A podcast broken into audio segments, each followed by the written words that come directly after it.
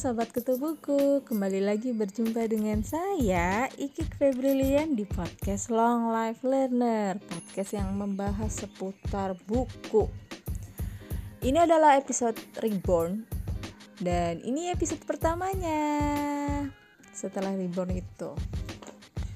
Oke langsung. Kita mau bahas apa ya? Kita mau membahas satu buku yang sudah jadi internal bestseller. Apakah itu? Bukunya Ibu Adel Faber dan Elaine Mazlis yang berjudul Berbicara Agar Anak Mau Mendengar dan Mendengar Agar Anak Mau Berbicara. Buku ini sebenarnya ditulis dalam bahasa Inggris aslinya. Dengan judul How to Talk with Your Kid So Kid Will Listen and Listen So Kid Will Talk. Gitu. Buku ini pasti sudah familiar banget ya buat ibu-ibu yang sedang belajar komunikasi dengan anak Nah, kenapa saya bahas ini? Karena ini ngena banget buat saya. Akhir-akhir ini anak saya semakin dewasa, komunikasinya semakin meningkat skillnya. Jadi perlu tantangan lagi nih. Tantangannya lebih besar lagi. Jadi saya butuh uh, belajar lagi. Nah, buku inilah yang menjadi teman saya dan it works teman-teman setelah saya praktekkan. Buku ini terdiri dari beberapa bab oleh karena itu saya pengen pecah-pecah nih satu episode satu bab biar lebih deep gitu ya bahasnya. Nah, episode apa itu yang akan kita bahas? Yang pertama adalah membantu anak mengatasi perasaannya. Ini hal yang paling mendasar dan harus dilakukan pertama kalinya, teman-teman. Karena apa? Ternyata itu ada hubungan langsung antara perasaan dan perilaku anak. Jika anak-anak merasa baik, perilaku mereka pun baik sama halnya kayak orang dewasa kalau kita ya pagi-pagi udah bad mood aduh rasanya tuh makin siang terus sampai malam pun ya jadinya bawaannya tuh kesel terus uh, gampang tersulut gitu ya. Mungkin bahasa ibu-ibu itu senggol bacok gitu kan. Nah Bagaimana cara menolong anak-anak biar merasa baik yaitu dengan cara menerima perasaan mereka.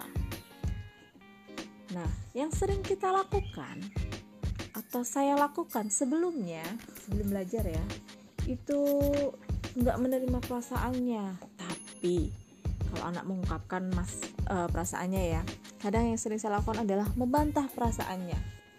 Contohnya, misalnya anak dipukul, kena eh bukan dipukul, kena senggol aja lah kadang ya, itu udah protes sama budanya bunda aku tadi disenggol sama teman bunda. Nah kadang kita tuh aduh nggak apa-apa kak cuman kesenggol gitu aja. Ribut gitu misalnya ya. Nah itu membantah perasaan teman-teman. Anak jadi nggak belajar ya perasaan yang muncul pada dirinya. Nanti malah khawatirnya nanti dia akan melakukan e, membantah terus Allah udah nggak apa-apa kayak gini doang. Allah udah nggak apa-apa kayak gini. Jadi dia nggak cakap uh, emosi jadinya ya. Lalu kadang kita juga uh, secara tanpa secara sadar itu menanggapi dengan filosofis contohnya. Ya namanya main mah ya kayak gitu kakak. Kadang suka kesenggol kadang ya uh, suka kepukul gitu kan. Padahal bukan itu yang pengen anak dengar kan terus kadang kita juga nggak nggak ini ya. Nggak jarang ngasih nasihat. Makanya bunda bilang kan kakak kalau main itu jangan terlalu dekat gitu misalnya. Atau kita merentetin dengan pertanyaan kok bisa kamu kesenggol? Tadi kamu gimana? Temenmu gimana? Gitu kan. Itu juga sebenarnya bukan itu yang lebih tepat yang harus kita lakukan terus kadang kita juga membela anak yang lain. Udah nggak apa-apa mungkin dia nggak lihat kali kak.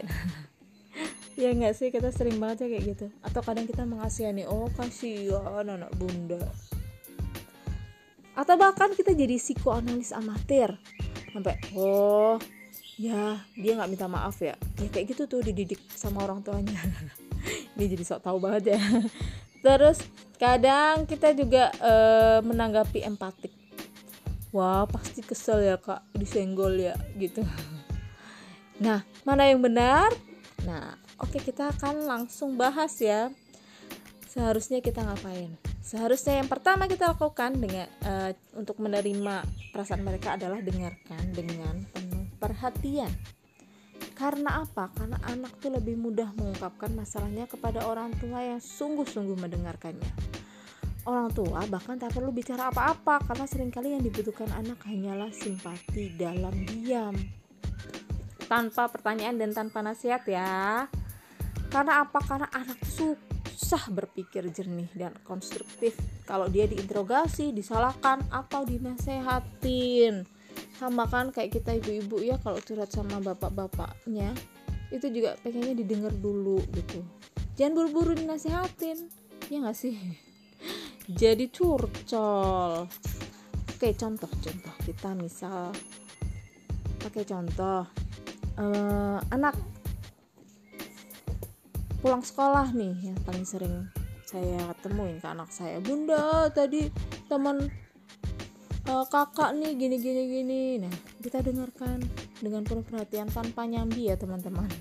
Saya pernah uh, nyambi sambil masak gitu ya iya kak gitu. Iya kak gitu. Ah langsung dia kayak oh kayak nggak dapat perhatian nih dari bunda gitu. Udah langsung dia walk out gitu. Ah bunda nggak dengerin gitu. Aduh itu tuh dosa-dosa saya ya. Terus yang kedua tunjukkan dengan penuh perhatian dengan satu kata. Jadi selain kita mendengarkan kita habis itu ngapain? Oh divalidasi. Oh bilang gitu aja. Atau hmm begitu jadi kayak kita tuh e, menunjukkan bahwa kita tuh mendengar sepenuh hati ucapan seperti ini ditambah sikap penuh perhatian adalah ajakan bagi anak untuk menjelajah pikiran dan perasaannya sendiri kadang kala bahkan dia bisa menemukan pemecahannya sendiri loh teman-teman Oke, itu yang kedua. Yang ketiga adalah sebut nama perasaan itu. Jadi kasih label nama, bantu dia melabeli perasaan yang muncul.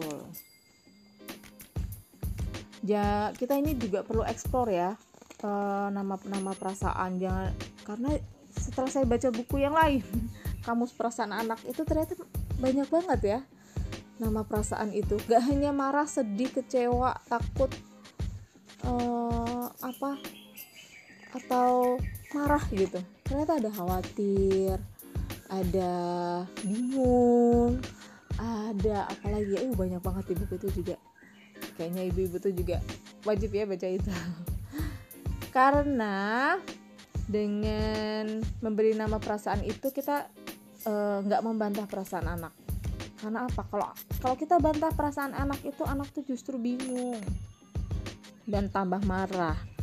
Juga mengajari mereka agar memahami perasaan mereka sendiri, tidak ya kan, dan mempercayai perasaan mereka sendiri. Kalau kita membantah, anak-anak jadi tidak paham perasaan mereka sendiri, tidak percaya dengan perasaan mereka sendiri. Itu. Setelah kita sebut nama perasaan, kita juga bisa melakukan berikan apa? hayalan uh, berikan anak keinginan dalam hayalan karena apa? Karena terkadang kenyataan itu lebih mudah diterima bila ada orang yang memahami betapa kita menginginkan sesuatu. Karena orang dewasa tuh ter ini ya, kadang berpikirnya terlalu logis gitu. Kadang kalau misalnya contoh, enak mau es krim nih, eh ternyata pas kita udah datang di toko es krimnya tutup. Kesel kan dia. Kita juga kesel udah nganterin misalnya kadang apa sih yang bikin anak tuh kan mikirnya pendek ya aku pengen es krim jadi aku maunya es krim sekarang gitu tapi ya gimana mau tutup kadang kita kak lihat tutup gimana? Kalau kamu mau ngeyel gitu ya tokonya nggak akan buka gitu. Nah padahal sebenarnya yang, di, yang dibutuhkan anak itu apa sih? Coba deh kasih hayalan aduh andai bunda punya kekuatan super bisa menembus pintu yang tertutup ini ya kak gitu.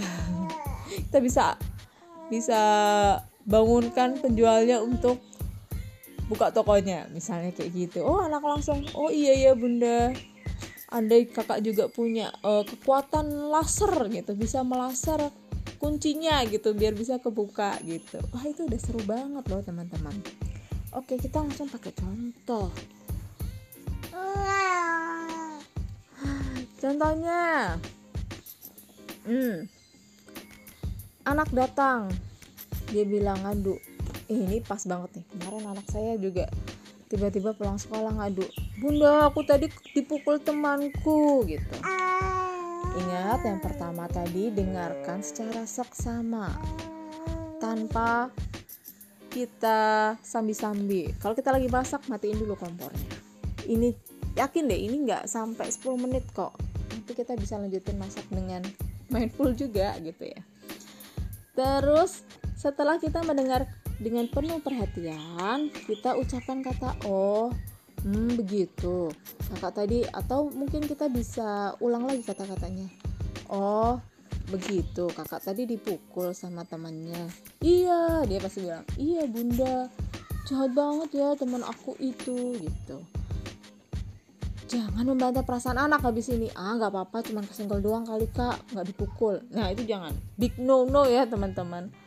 Kita sebut nama perasaan itu. Nah itu langkah yang ketiga. Oh pasti uh, sebel banget ya kak kalau kena pukul teman itu gitu. Misalnya dia bilang iya lain kali aku nggak mau ah main sama dia misalnya gitu deh. Itu udah suatu konklusi bagi dia gitu kan.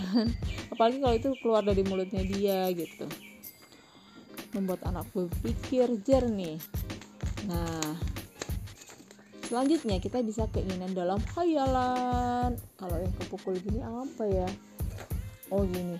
Wah andai ya kak bunda punya kantong Doraemon.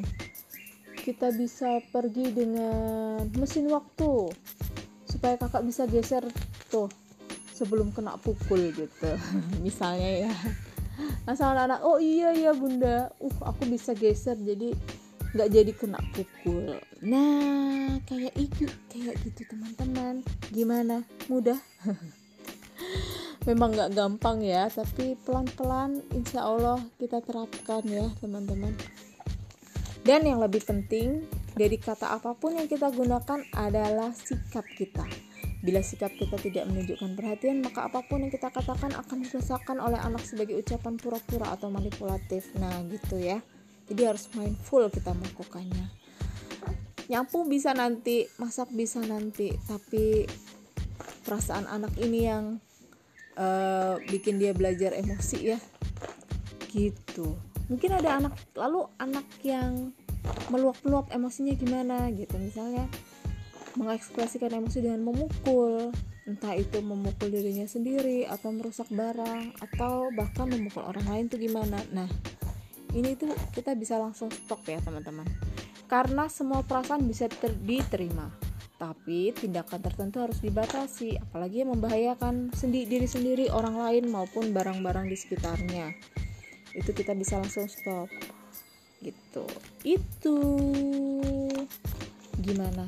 Semakin tercerahkan masih kurang. Tenang kita masih punya episode selanjutnya apakah itu? Nanti ya di tanggal 15 kita akan lanjutkan bahasan kita. Kita praktekin dulu ya. Menerima perasaan anak ini. Sampai jumpa di episode selanjutnya.